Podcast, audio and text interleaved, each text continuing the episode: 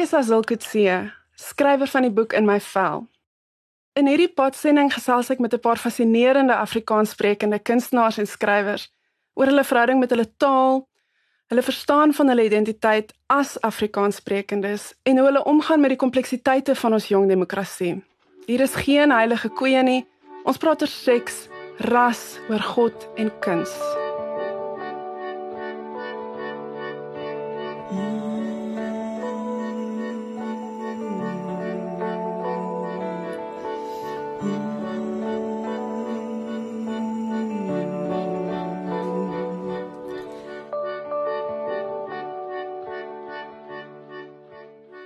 Vandag se gas is Mercy Kannemeyer, teatermaker, regisseur en skrywer. Sy is in 2017 deur die Afrikaanse Taalraad vereer met 'n koker-toekenning vir haar dokumentêr Die Ander Kant, waarin sy vra wat ons staan om te verloor as Afrikaans as onderrigtaal afgeskaf word by Stellenbosch Universiteit. Sy word gereken as een van Afrikaans se mees opwindende opkomende teatermakers en het al verskeie toneelstukke op die planke gebring. Onder andere Ons is nie almal so nie, 'n verwerking van Jean Gosen se bekende boek. Ek gesels met haar oor identiteitspolitiek en deernis, oor haar liefde vir Afrikaans, haar stryd vir moedertaalonderrig en haar ervaring van millennier wees. Hierdie gesprek vind plaas tydens fase 3 van die nasionale koronavirus inperking.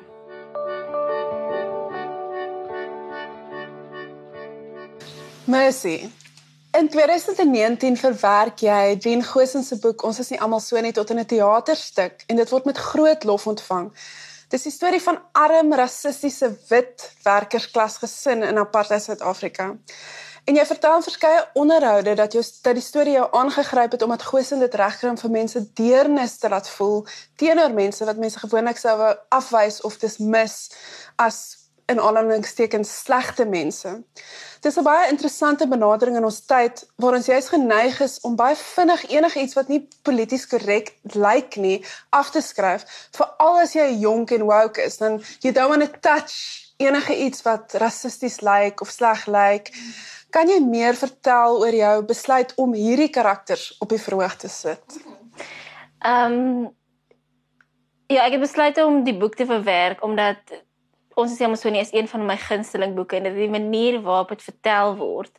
Dit is snaaks, dit is hartseer en dan dan op die einde is jy regtig nogals bietjie verpletter. So ek het besluit om die boek te doen as gevolg van die manier waarop die storie vertel word en ook die tematiek wat ek voel um, nogals tydloos is en daai daai woorde ons is nie almal so nie. Okay, maar wat is dit dan waarvan ons onsself wil distansieer? Hoe is ons dan of is ons maar almal so?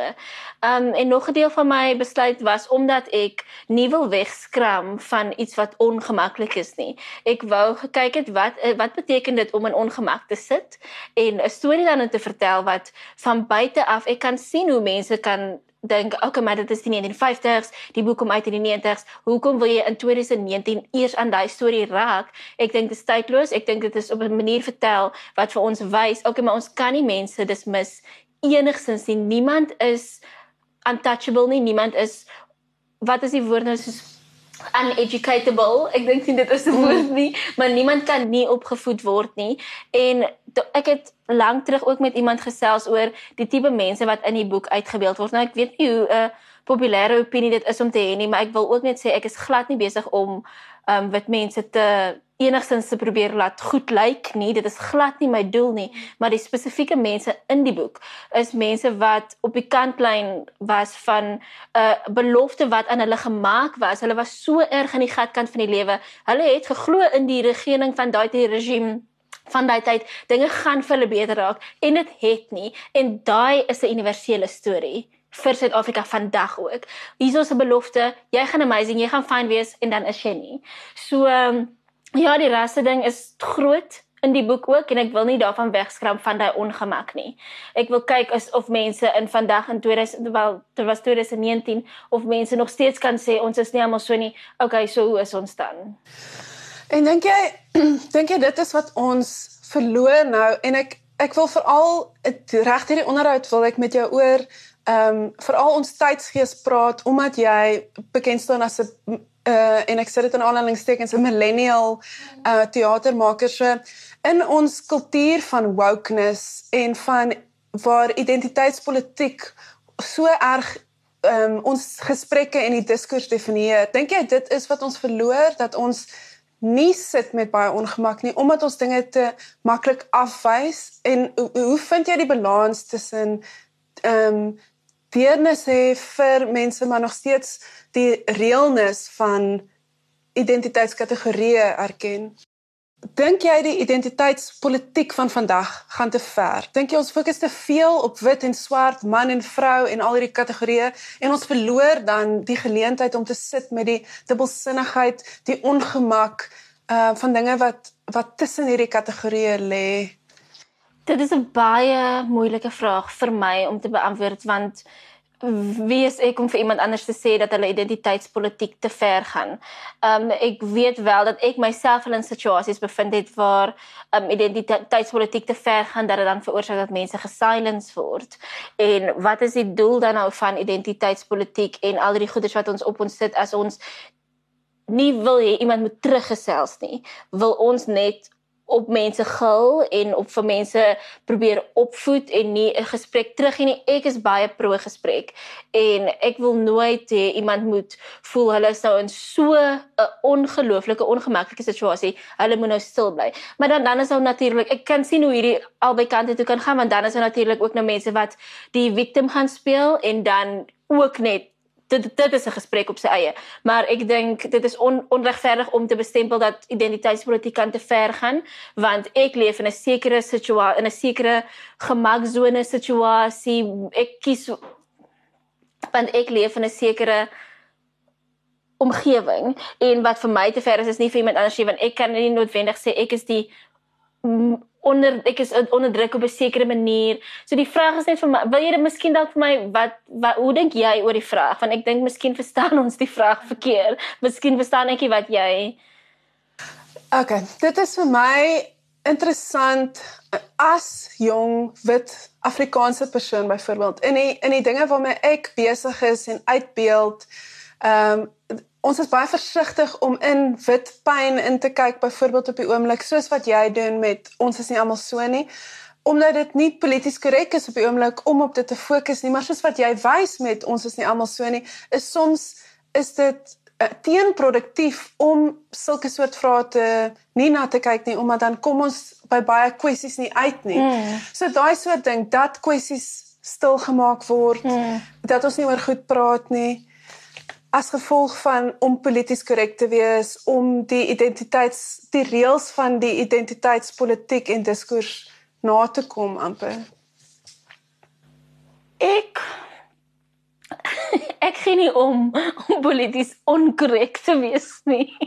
Ek weet ek weet nie, dit dit mag dalk nie so lyk like vir mense nie, maar die, ek dink as ek dink aan my motivering vir, om sekere goeders te doen, het ek stel nie regtig daaraan belang om polities korrek te wees nie. Soos met ons is almal so nie was dit nie vir my 'n ding van Miskien was dit onderliggend daar. Ek was regtig, ek is mal oor hierdie boek. Ek wil hierdie storie vertel en toe mense my begin vra vra kon ek ook meer ondersoek instel oor hoekom ek dit wou doen. Een persoon het byvoorbeeld ek sorry, ek dwaal seker nou af van die onderwerp af, maar een persoon het byvoorbeeld gesê ek is besig om te approprieer. En toe is dit ook 'n interessante gesprek van kan ek as 'n bruin vrou kan ek wel vrou het nou niks daarmee te doen nie, maar kan ek approprieer? So as dit gaan as appropriasie toeëning gaan oor mag ehm um, so in watter magsposisie staan ek dat ek nou 'n wit vrou se storie steel? Dan is so te sê okay maar dit is nie die punt nie. Die, wat ek die punt wat ek wou maak is dat ek ehm um, dink nie identiteitspolitiek gaan te ver nie want ons mag nie vir mense sê hoe om met hulle swaar kry te deel nie. As 'n manier vir jou met die swaar kry te deel is om identiteitspolitiek na die voorgrond te stoot Absoluut, maar dan dink ek ook dat daar 'n wye gesprek wat gehê kan word oor silencing, um victimhood en ja. Dis wat ek dink. So en wat jy nou nou ook gesê het oor ons is nie almal so nie, is op die ouend sê die die boek en die toneelstuk dan ook maar dalk is ons almal eintlik maar so hmm. en dat dit is nie ons kan nie so maklik ehm um, ons verantwoordelikheid of ons aandadigheid net afskud nie.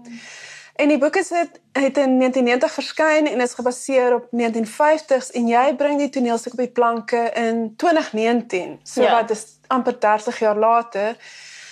Het dinge nog so min verander of lyk die gesprek nou anders? Kan jy bietjie nadink oor die oor die tydsverloop en en hoekom ons nog steeds dieselfde gesprekke het soveel jaar later? Ek dink die gesprek is net besig om op ander platforms ook plaas te vind. En die mense wat nou praat, ek dink die tafel is nou oper. Daar's nou die die net word weier gespan van wie kan nou actually saamgesels. Want ek weet nie of ek wel ek sou definitief nie as ek geleef het in die 50s kon saamgesels nie. Um in die 90s miskien, maar dit was ook maar nog vroeë jare van gaan apartheid nou verby wees of nie. Ja. En ek is eers in 1994 gebore ook so ek dink ook aan myself en aan hierdie tydperke en soos my um, ek dink die net is besig om weier gespan te word en gesprekke is besig om op ander platforms plaas te vind op ander maniere. Daar's meer mense wat nou kan saamgesels. Wat die gesprek verander dink ek. Okay, en maar jy dink die die kwessies ons sit nog met dieselfde kwessies basis. o dis wat jy gevra het. Nee, of dit jy het geantwoord maar net ook. Die lekker ding ook van ons is jammer so nie. Ek dink daar is baie van dieselfde kwessies, maar die lekker ding is dat ek so 'n outsider is vir daai kwessies. So ek kan nie vir ek, weet nie of wat mense nog met daai selfde kwessies sit nie. Dink jy julle sit met daai kwessies? Ek dink so. Ja, soos ek kan van buite af kan ek sien en saamstem en sê okay, miskien is ons julle almal so, maar eh, van binne af ek ek weet nie, ek wil nie judgement plaas nie of miskien wil ek. Jy doen toegepaste teater eh, en dit is iets wat spesifiek ook 'n opvoedkundige funksie vervul. Mm. En dan met met 'n toneelstuk soos ons is nie almal so nie, dan die die soort opvoedkundige funksie wat dit vervul is rasgebonde en dit is ehm um, ek dink 'n groot deel daarvan is om wit mense op te voed oor ras. Mm. En dan wonder ek want mense sien baie in sosiale media en so jong swart en bruin mense wat sê dit is nie hulle taak of hulle plig om wit mense op te voed oor ras nie en dit is dit bring allerlei trauma en pyn terug mm. en dat wit mense hulle self moet opvoed. Maar terselfdertyd uh voel ek as 'n jong wit mens voel ek dis iets wat ons ook nie op ons eie kan doen nie. Ons het gesprekke nodig met bruin en swart mense. Natuurlik is daar werk wat ons op ons eie moet doen, mm. maar ek voel amper baie afhanklik van mense soos jy wat praat. En dan wonder ek waar voel jy begin en eindig hierdie verantwoordelikheid of jou gewilligheid of jou um capability om hierdie soort um educational werk te doen vir mm. wit mense of vir almal rondom jou of Daar was definitief 'n tyd in my lewe waar ek gevoel het ek gaan nie met wit mense oor ras praat nie. Dit is nie my werk om jou op te voed nie. Gaan lees 'n boek, gaan maak Google oop, gaan doen jou eie navorsing. Want nie net moet ek dit beleef nie, ek moet nou ook die tyd vat en jou opvoed daaroor. Soos wanneer gaan ek dan nou rus kry? Wanneer gaan ek net leef? So daar was definitief 'n tyd waar ek so gevoel het. Um en ek soos ek weet nie wanneer julle hierdie gaan uitsou nie, maar ook met die al die politiekery wat nou aangaan in die wêreld, kry ek nog steeds va- vang ek myself nog steeds op plekke waar ek gaan selfs met my wit vriende. Ek gaan nie nou met jou engage nie. Jy maak my nou kwaad. Ek kan nie met jou engage nie. Hoekom dink jy nie vir jouself nie? Maar in die, die tyd toe ek so begin vir dit was met Fees was vol. Ek was nog voor graad 2015, 2016. Toe was ek regtig op 'n plek van ek gaan nie met wit mense engage nie. Dis nie my werk nie. Maar dan as ek bietjie terug staan, Ehm um, maar daar's ook die tipe wit mense wat bereid is om hulle eie werk te gaan doen en dan net mense wat sal sê, "Oké, okay, maar w- okay, wat wat moet ek dan doen? Wat wat wil jy moet ek doen?" sonder dat hulle enige werk op hulle eie gaan doen het. So ek is ek is maar baie 50-50. Dit is dan nou wat in die lug aangaan, maar meestal voel ek dit is nie my werk om wit mense op te voed oor ras, oor swaar kry, oor onderdrukking nie, tensy daai mense vir hulle self ook gaan navorsing doen en self gaan besluit. Moenie net kom vra, okay, maar hoe praat ek nou met swart mense? Hoe praat ek nou met So nee, dit is ek voel nie ek kan nie dit is regtig swaar om rasisme rasisme te beleef en dan nog moet jy nog mense se juffrou ook nog wees. Dit is nie my werk nie. En dan in die ehm um, as mense die maan dat jy hulle moet opvoed, sit daar ook seker baie keer nog rasisme ook opgesluit in daai Ja. soort demands en die manier hoe hulle dit terug. En die mense wat regtig genuinely wil leer, ek het geen probleme met sulke mense te engage nie. Maar die mense wat daar's mense wat baie kere ook kom om te beklei, om accusational te wees, om hulle self te wil verdedig, om hulle white guilt, white shame vir hulle self te probeer beter maak, daaraan kan ek niks doen nie. Soos ons kan ek is soos wat ek vroeër gesê het, ek is pro gesprek, ek is pro engagement as ons soos as gelyk is om 'n tafel kan sit. Absoluut. Nou wil ek nog ehm um, link met wat jy gesê het oor die vraag van toeëiening en dit is veral iets wat so die bekende term is cultural appropriation. Ehm um, en dit is veral iets wat nou laas jaar 'n groot vraag was in die Afrikaanse scene met die Mm. remake van Villa se kind en Christian Olwage se Poppy. Hmm. Ehm um, en ek weet jy doen ook jou meestersnavorsing oor die vraag. Hmm. En ja, die vraag wie mag watter stories vertel en is dit ooit oukei okay vir 'n wit man om 'n swart vrou se storie te vertel? Ehm um, veral in vandag se Suid-Afrika wat baie swart vrouens nog steeds nie empowered is of die forum het om hulle eie stories te vertel nie. Waar staan jy nou in daai debat met die navorsing wat jy gedoen het of net waar jy gedink het die laaste tyd? Mm. Dit, ek wil net sê dit is nie net verlede jaar wat dit 'n groot gesprek in die Afrikaanse bedryf was nie. Ek weet nie of jy kan onthou toe Kratawa gemaak was. Dis dit was dit 2017. Ek kan nie onthou ek was te oorsee, maar ek kan imagine dit moes toe ook. Dit was daai tyd was dit die gesprekke oor oor appropriasie was toe hektiek. Ek dink laas jaar was dit nog bietjie vanilla hoe die manier Okay. waarop die gesprek gevoer was. Ja. Ek so ek dit is so moeilik om hieroor te gesels nie want ek wil myself express as 'n creative en dan as 'n breinmens. En terwyl terselfdertyd is ek both. Maar so wat ek wil sê as eerstens as 'n creative is dit moeilik om jouself te beperk. Ek dink nie ons moet onsself beperk nie. As 'n breinmens wil ek sê, ehm um, dit sou lekker wees as daar ook as die stories van ons mense deur ons mense vertel word sodat jy die storie van binne af Ja. buitentoe kan vertel en nie van buite af binne toe kan vertel nie. So ek weet nog nie waar ek daai twee bymekaar gaan uitbring nie, waar ek myself as 'n kunstenaar en as 'n breinmens, nie dat ek sê soos mens kan altyd die twee separate nie, Ja. maar oor hierdie onderwerp spesifiek en veral ook omdat ek nou besig is om my navorsing, my meestersnavorsing daaroor te doen, kan ek lees ek al hierdie argumente en dan voel dit amper okay, maar wat is wat is my opinie nou weer? Waar staan ek nou weer?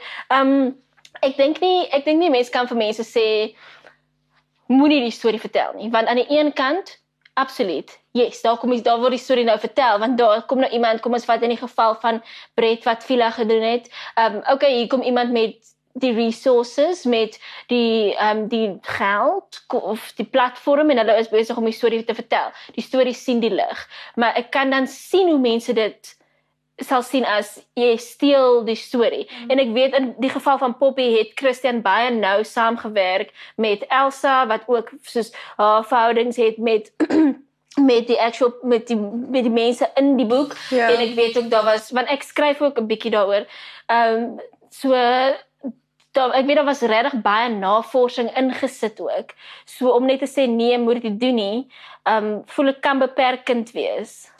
So is dit 'n geval soms wonder ek of dit 'n geval is ook van goeie en slegte kuns dat as jy as kunstenaar goed genoeg is om die leefwêreld op 'n manier wat ehm um, respek toon en wat reël is en wat die kwessies wat multi-layered is en die kwessies hmm. in ag neem teenoor iemand wat staat maak op stereotypes en so is is dit of nie dit want dis ek soms in dit dink Ja, ek het ook al baie daaraan gedink. Soos jy kyk na Poppy en dit is 'n ongelooflike fliek. Ja. Dit is so goed. En dan no offense, maar dan kyk jy na Kretowa wat nie 'n goeie fliek is nie. Ehm um, ek hoop nie jy stop nie. maar so- en dan dan is mense soos, okay, nou is daar nog meer rede om dit te attack want die kwaliteit is nie goed nie. Ehm um, die storie is maar so 'n bietjie nie op 'n manier vertel wat goed is nie. Um regtig nou offense aan die mense wat daaraan gewerk het. Ek weet daar gaan regtig baie in om 'n fliek te maak.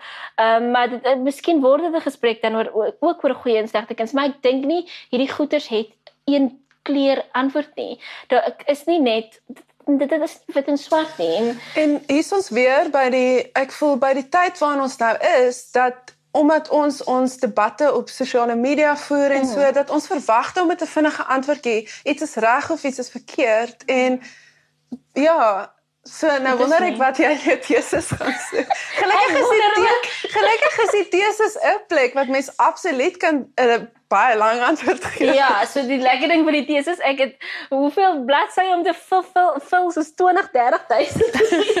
so ek kan lekker soos hier is teen die antwoord, hier is nie en dan vind 'n mens jou antwoord maar so daar iewers tussenin. En ek dink dit is ook die oplossing vir baie van ons. Goed, die antwoord lê iewers in die middel.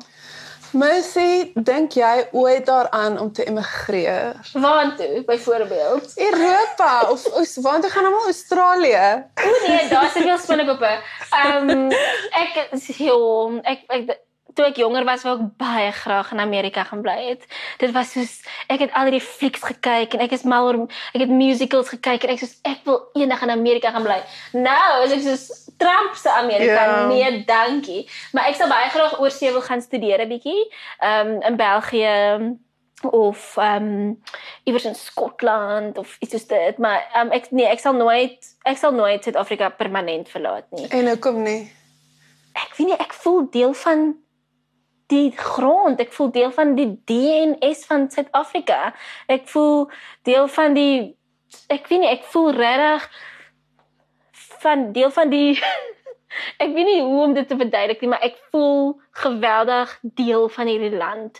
Ek voel soos een van die eerste mense wat hier gewoon het. Ehm um, nee, ek is ek is baie lief vir hierdie land met al die kompleksiteite. Is ek regtig erg lief vir hierdie land en ek wil aanhou werk in Suid-Afrika. Ek wil aanhou werk in my taal. Ek wil aanhou werk met my mense en met ander mense. Ek wil nooit hier weggaan nie. Ek sal oorsee gaan studeer 'n klein rukkie en dan terugkom. Ek wil vir ewig hier bly. Mercy, jy maak 'n paar jaar gelede 'n dokumentêr die ander kant waarin jy verduidelik dat die afskaffing van Afrikaans as onderrigtaal by Stellenbosch Universiteit en seker ander plekke die effek het dat dit baie bruin en swart mense ekonomies en sosiaal ontmagtig en vernietig. En jy vind dit skokkend om te sien dat bevoorregte mense en instansies teen die taal veg. Hierdie is my so interessante posisie want die debat word dikwels andersom opgestel. Dat dit die bevoorregte wit konservatiewe mense is wat veg vir Afrikaans. Dit is baie keer die argument dat dit is die privileged white elite wat veg vir Afrikaans en dat dit die progressiewe of die woke ding is om te doen om teen die behoud van Afrikaans as tersiêre onderrigtaal te veg. Kan jy meer oor jou posisie vertel? Mm. Dit is glad nie woke om teen jou moedertaal te veg nie. Want die die rede hoekom ek die dokument wel een van die redes waarom ek die dokumentêr gemaak het was om omdat ek glo in moedertaal onderrig en omdat ek glo mens vaar die beste in jou moedertaal. Daar's studies daaroor gedoen, ehm um, wat ehm um, mens maklik kan kom as jy daarvoor soek. Ehm um, en 'n mens druk jouself die beste uit in jou moedertaal, jy vaar die beste in jou moedertaal en jy voel ook bemagtig in jou moedertaal. So as jy nie in jou moedertaal kan onderrig kry nie, soos jy gaan in my opinie ontmagtig word daardeur.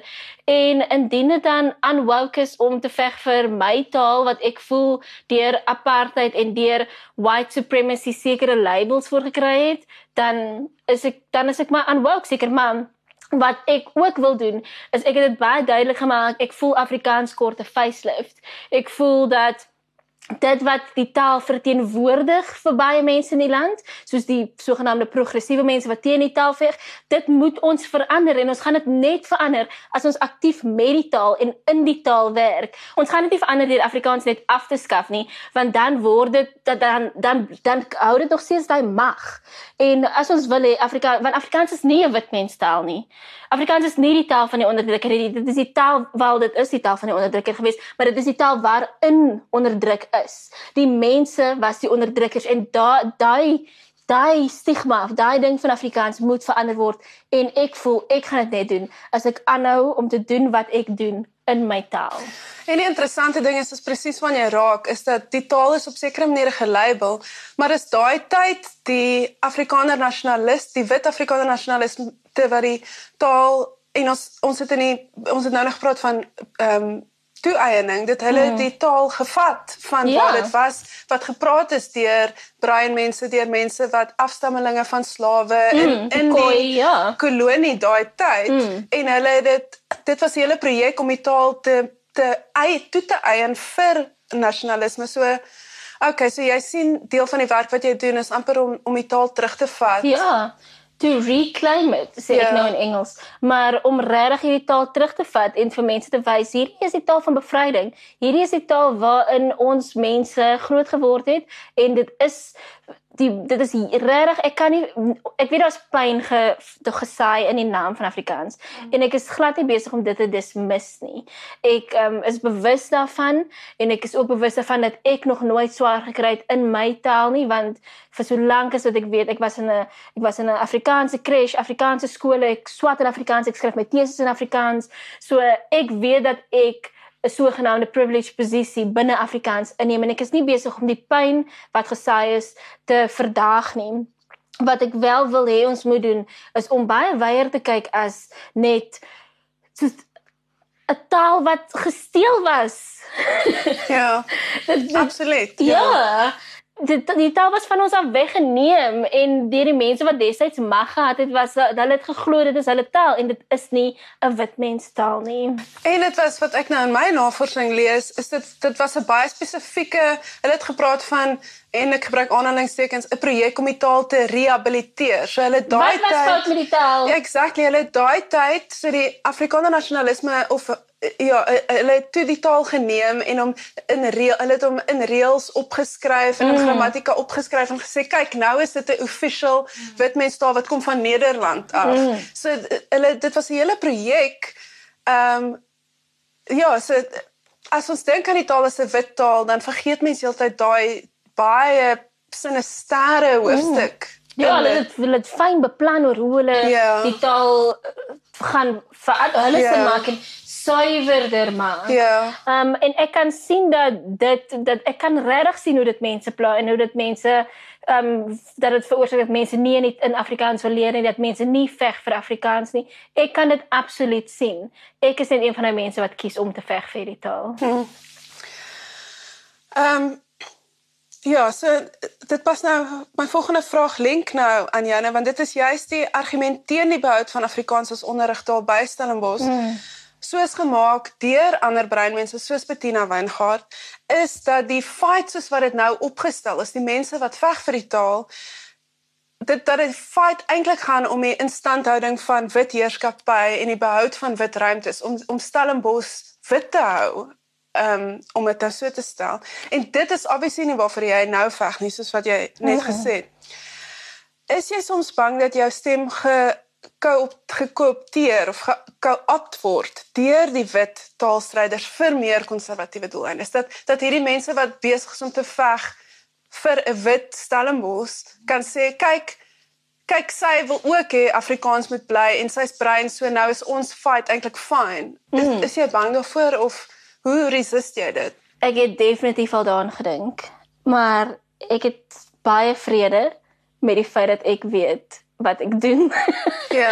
ek wil nou nie verwant klink of enigiets nie, maar ek het baie vrede dat ek weet hoekom ek vir sekere dinge staan. Ek weet hoe ek weet waartoe ek in staat is ja. en ek weet ek slim.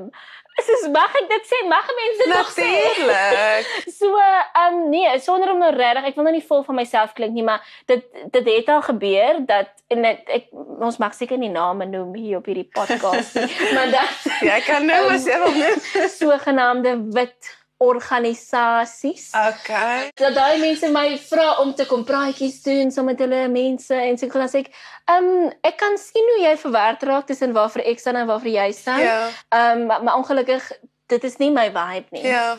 So ek gaan nie ek gaan nie deelneem aan wat julle doen nie. Hierdie is wat ek doen. As ek kan doen wat ek doen by julle kom doen, dan sal ek dit doen. Ek weet nie of ja. jy weet is wat dat dat nou sê nie. Ja, so um, ek kan sien hoe mense kan dink dat ek praat vir wit mense en dat ek praat wit mense se goeders goed. Maar die funny ding by Stellenbosch is dat daar is ook dit is die wit professors wat in Afrikaans geswat het, baie van hulle wat nou nie die taal daar wil hê nie.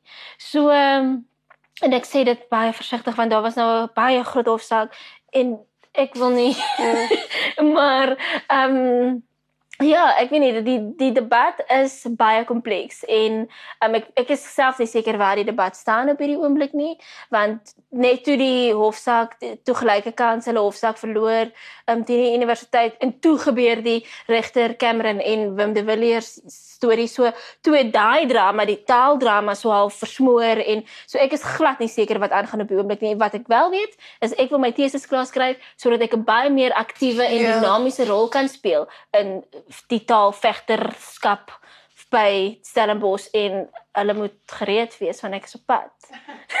en en hoe sou jy dit? Wat is daar wat se soft avenues is daar nog om hmm. te studente studente proteste en studente politiek is baie dit is nou regtig nie aan die gebeur op by Stellenbosch nie. Maar dit is ook ons het ons maar gesien met Vismas vol dat Stellenbosch het, het verskriklike sekuriteit wanneer hulle dit wanneer hulle dit nodig het. So dit is moeilik om by Stellenbosch 'n protes van enige aard te probeer lei. Maar ek dink 'n manier om dit te doen is om regtig met mense te gaan engage, nie om van 'n pedestal af te staan en te preek nie, maar om te gaan ondersoek instel want iemand het al eendag vir my gevra, "Mense, dink jy regtig daar's so baie mense wat in Afrikaans wil leer?" Sê ek soos Wel, dit is 'n baie goeie vraag. Ek sal daaroor moet gaan dink want mense kan ook baie vinnig net aannames maak dat nee, die breinmense wil in Afrikaans swat. Wie sê die breinmense wil in Afrikaans swat? En 'n manier om dit uit te vind is om regtig maar met mense te gaan sit. Soos ek sal baie graag ek ek wil net soos gesprekke fasiliteer met mense en kyk wat die gevoel is. Ek ek ek, ek weet nie, daar's baie goed wat 'n mens kan doen. Ja, en seker jy werk in teater kan Ja, kan, teater, skryfwerk. Soos ek ja, ek glo nie die taal is besig om enigstens enige plekjie in te, te gaan nie, want teater is besig om te floreer, um boeke floreer, radio, um die kunste soos is besig om hierdie taal lewendig te hou. Okay, want um ek wonder ek soms daaroor as die feit dat ons besig is, ek wil daar word so baie geskryf in Afrikaans, daar word so baie kuns gemaak in Afrikaans, mm. is dit nie 'n teken dat ja, dat die taal nêrens in op pad is nie, dat dat ons ehm um, angstigheid oor die uitsterf daarvan heeltemal misplaas is nie of wat dink jy? Ek dink dit is belangrik dat ons in 'n akademiese ruimte plek het vir Afrikaans, maar nie net eers Afrikaans nie. Al die moedertale in hierdie land, al die amptelike tale in hierdie land verdien tersiêre ehm um, plek. So ehm um, dit is nou ons weet Afrikaans is bevoordeel deur dat dit destyds al establish is as 'n wetenskapstaal. So ons weet dit, maar ek ek kan just definitief in die kunste en al daai wat jy nou genoem het, jy is dit al leef daarvoor, maar ek dink dit kort regtig ook tersiêre plek.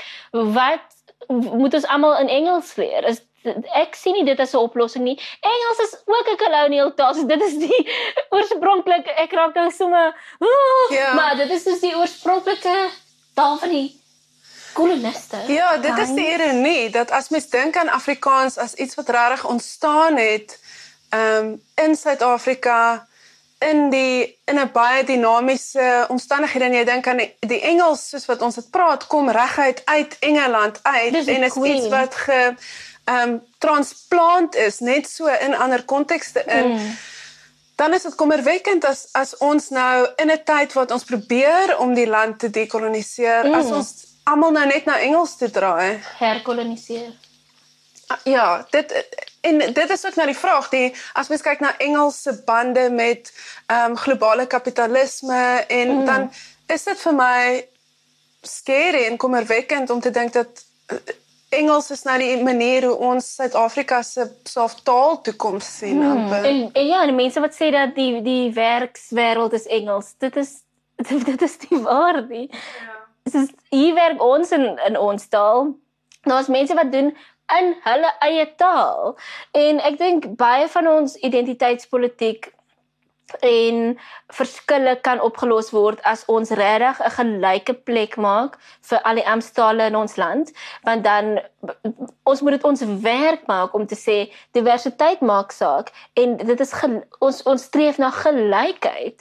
Want ons kan nie want so staal dit is soos dit kan jou regtig bemagtig of jou onmagtig on wat is die woord? Onbemagtig. Mm. want ek het soos het jy nie ook al was jy nie in 'n situasie waar jou Engels regtig net soos verkeerd uitkom? En dan lag almal vir jou. Soos soos imagine dit. Soos ons kan twee tale daarin praat. Imagine dit gou met iemand wat soos ek dink regtig tale is 'n plek om te begin om te sê om seker te maak ons diversiteit word beskerm en ons diversiteit word bevorder. Ja, en deur taal kom natuurlik kultuur en Mm. ehm um, so nou nog 'n punt van kritiek teen jou teen die soort posisie wat jy inneem in die taalstryd. Ehm um, is dat en iemand soos Bradley Slade van uh, Stellenbosch Regsfakulteit het op Litnet al daaroor geskryf dat die Afrikaans waarvoor daar geveg word by Stellenbosch Universiteit nie sy Afrikaans is nie. Nie die Afrikaans is wat baie bruin mense praat nie, maar dat dit 'n geïnstitusionaliseerde Afrikaans is, 'n baie spesifieke vorm van wit Afrikaans is wat steeds gebruik word om ander mense te marginaliseer. Mm. So hoe verander ons Afrikaans in ons ruimtes? Hoe kry ons die taal uit die greep van witheid en bevoordiging en maak dit iets meer wat meer resoneer met die sprekers daarvan? Mm. Die ding, soos ek weet nou nie waarna Bradley verwys nie. Ek soek seker wie hy is nie, maar die die ding wat ehm um, daar is nie net een tipe bruin mens Afrikaans nie. So ek was ook nie seker op grond waarvan ek sal die artikel seker maar nou moet gaan lees, maar ek is nie seker op grond waarvan hy dit dan sê nie en ek vat nou nie weg dat dit invalid is nie, want ek kan absoluut sien dat want ek is nie ook nie van die Weskaap Kaapstad. Soos ek is nie ek kan sien dat dis nie Afrikaans wat oral gepraat word, veral nie in die Weskaap, dit word by Stellenbosch gepraat, gepraat word nie. Maar wat was jou vraag? Hoe vat ons Afrikaans weg van? Ja, hoe verander ons ehm um, Afrikaans ehm um, haal dit uit die greep van witheid? Mm. Ons moet al die variante begin omhels en begin vier en dit begin is die woord wettig. Nee, dit is seker nie die woord nie. Ons moet dit begin dit moet oukei okay wees vir my om 'n essay in Kaaps te skryf. Ja. Dit moet oukei okay wees om in Namakwalands in 'n ander variant van Afrikaans ook soos dit moet ook fyn wees om dit in te handig in Afrikaanse klas. Want ek kan sien dat wel ek kan maar indink dat die manier waarop Afrika ek het was byvoorbeeld in die Afrikaanse Nederlands departement en mense van buite af dink daar's net een tipe Afrikaans in daai departement gepraat word. Dit is glad nie waar nie. Soos daar word variante in die Afrikaanse Nederlands departement van die universiteit wat vir baie mense van buite af dalk racist mag lyk. Daar word verskillende variante gevier daarbinne en dit word vir ons geleer in drama soos maar ek dink miskien is ek bevoordeel dat ek in 'n in 'n kunstewêreld en 'n liberale wêreld ook so ek wil nou nie mense beskuldig in Ja, wat is vir die regsfakulteit as jy in as jy jou toets of jou opstel in Afrikaans wil skryf, dan is daar spesifieke uh, Ja, gaan waarskynlik van jou punte gaan afgetrek word as jy verkeerd spel of as jy mm. en met ek sit verkeerd in aanhalingstekens. Ja. Daar's 'n daar's 'n spesifieke standaard vorm van die taal. Mm wat ehm um, die gesien word as die regte. Yes, okay, so ek herdink gou wat ek alles wat ek nou gesê het in in hierdie afdeling.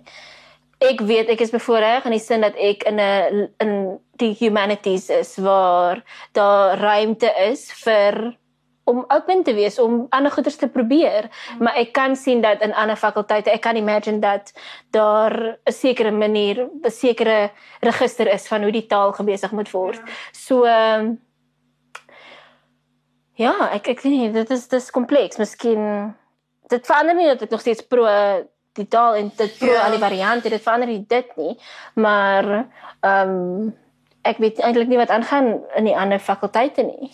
Ja, so ek dink die argument is en ek sien dit nogals dat mense wat sê hulle veg vir Afrikaans omdat hulle so 'n toon wat die taalstryd neem is ons fight eintlik hierdie fight vir die arm bruin mense mm. maar dan in fakulteite soos die regsfakulteit word die soort Afrikaans wat die arm bruin mense praat nie eintlik aanvaar nie mm. so dan dan kom ons agter dit is eintlik maar 'n fight vir 'n vir 'n soort white space om ja. behoue te bly ja ja ek ek is ek um trap liggies rondom wit mense wat sê hulle veg vir bruin mense want ek het nie jou nodig om vir my te veg ja. nie. Um ek is daartoe in staat op my eie en ek weet wat die parameters is van my taalvegtery.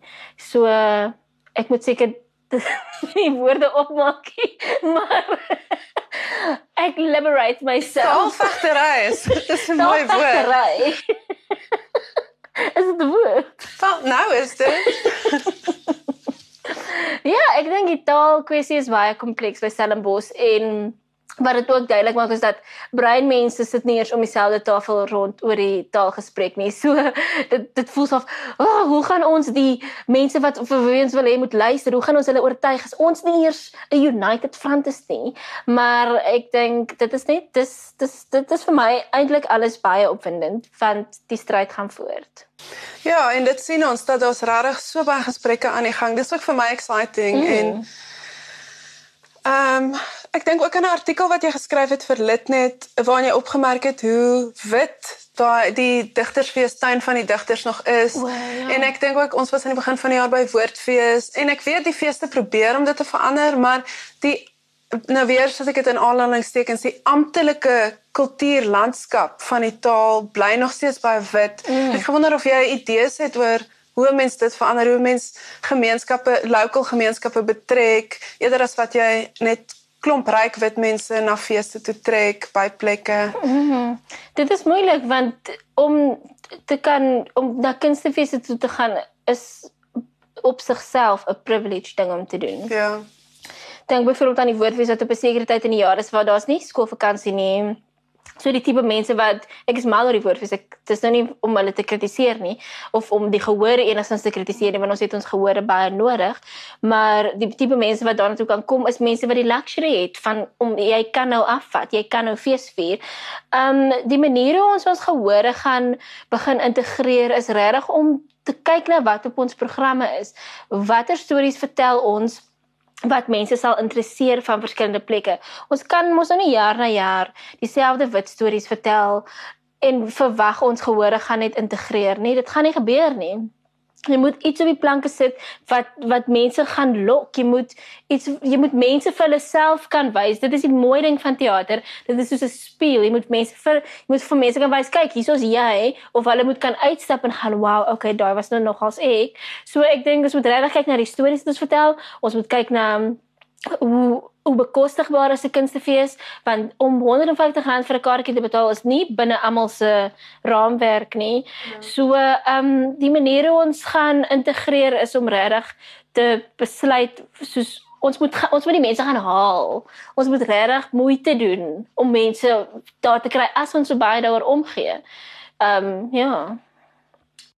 Jy word baie keer as 'n millennial of 'n millennier sal die leliker Afrikaanse woord wees daarvoor.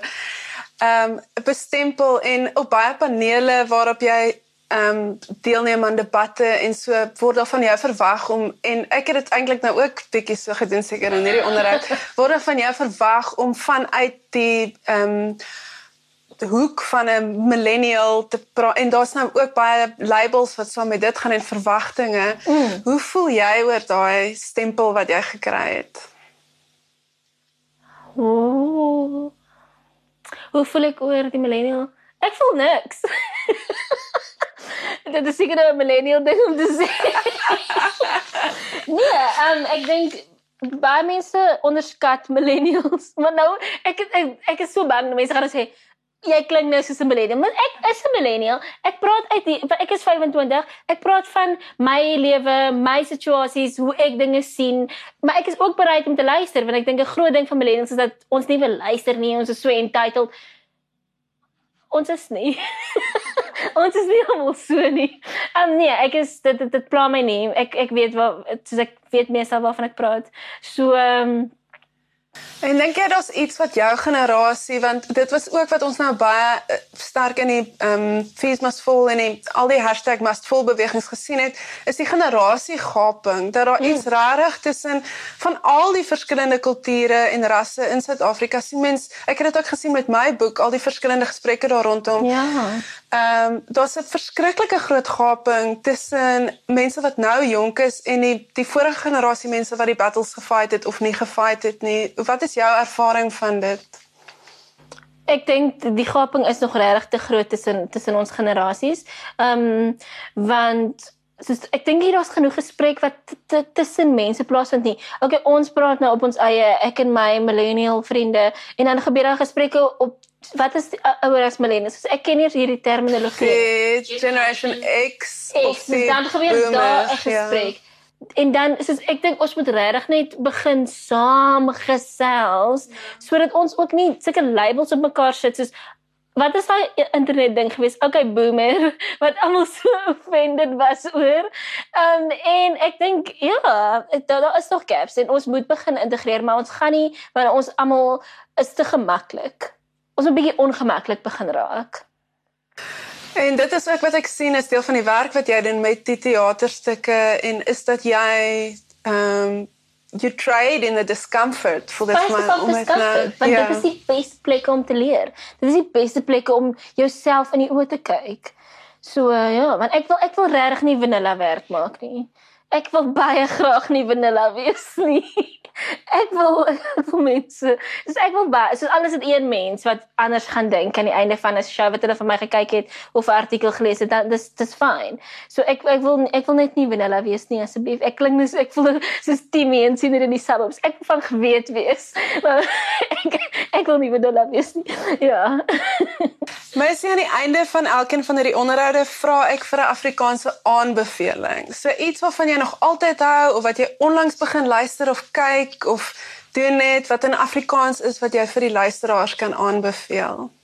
Ek dink baie van die materiaal waarvan ons nou vandag hier so gesels het, sal ek aanbeveel. My dokumentêr die ander kant dis okay, en dit is op YouTube. Ja ehm um, ons het praat oor ons Sema Sony oor Pop en Ongena oor Vila se kind Kretawa. Gaan kyk al daai goeie sodat jy kan deelneem aan gesprekke. En ek dink mense moet jou boek lees ek dink regtig mense moet jou boek lees want jy het ah. my anders wat kyk oor whiteness vir my en baie van my vriende het jy regtig 'n gesprek opgemaak op 'n baie toeganklike manier wat jou boek is dis opvoedkundig jou boek is snaaks jou boek soos is regtig soos ek dink mense moet dit lees want dit is dit is nie net soos jy het die liefdeskant maar dan het jy ook die die politiek kant en ehm um, die die vrae wat jy vra in daai boek dink ek moet wat mense vir hulle self vra vandag. Ag, beteken vir hopelik nog oor 30 jaar. Dankie Messi. Ek het dit. As hulle my nie betaal om dit te sê nie, liewe luisteraars. Sponsored.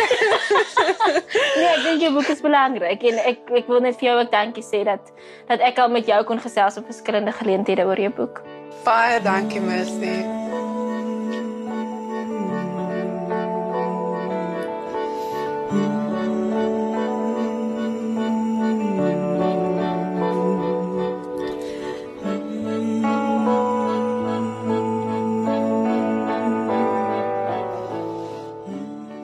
Kutse is die skrywer van In my vel, 'n reis. 'n Boek oor weggaan en terugkom. Oor witheid en Afrikaans wees. Sy het 'n PhD in filosofie in Amsterdam verwerf en is tans 'n postdoktorale navorser in gender en dekolonisasie by Stellenbosch Universiteit. Haar menings verskyn dikwels in verskillende Afrikaanse publikasies soos Vrye Weekblad, Rapport en Litnet. Sy hou daarvan om te lees te dink en diep gesprekke te voer. Musiek vir hierdie potsending is gekomponeer deur Ricolatti. Tegniese en akoestiese versorging is behartig deur Mel Roo. Die regisseur is Ronel Geldenhuys en die vervaardiger is Annika Pieterse vir Netwerk 24.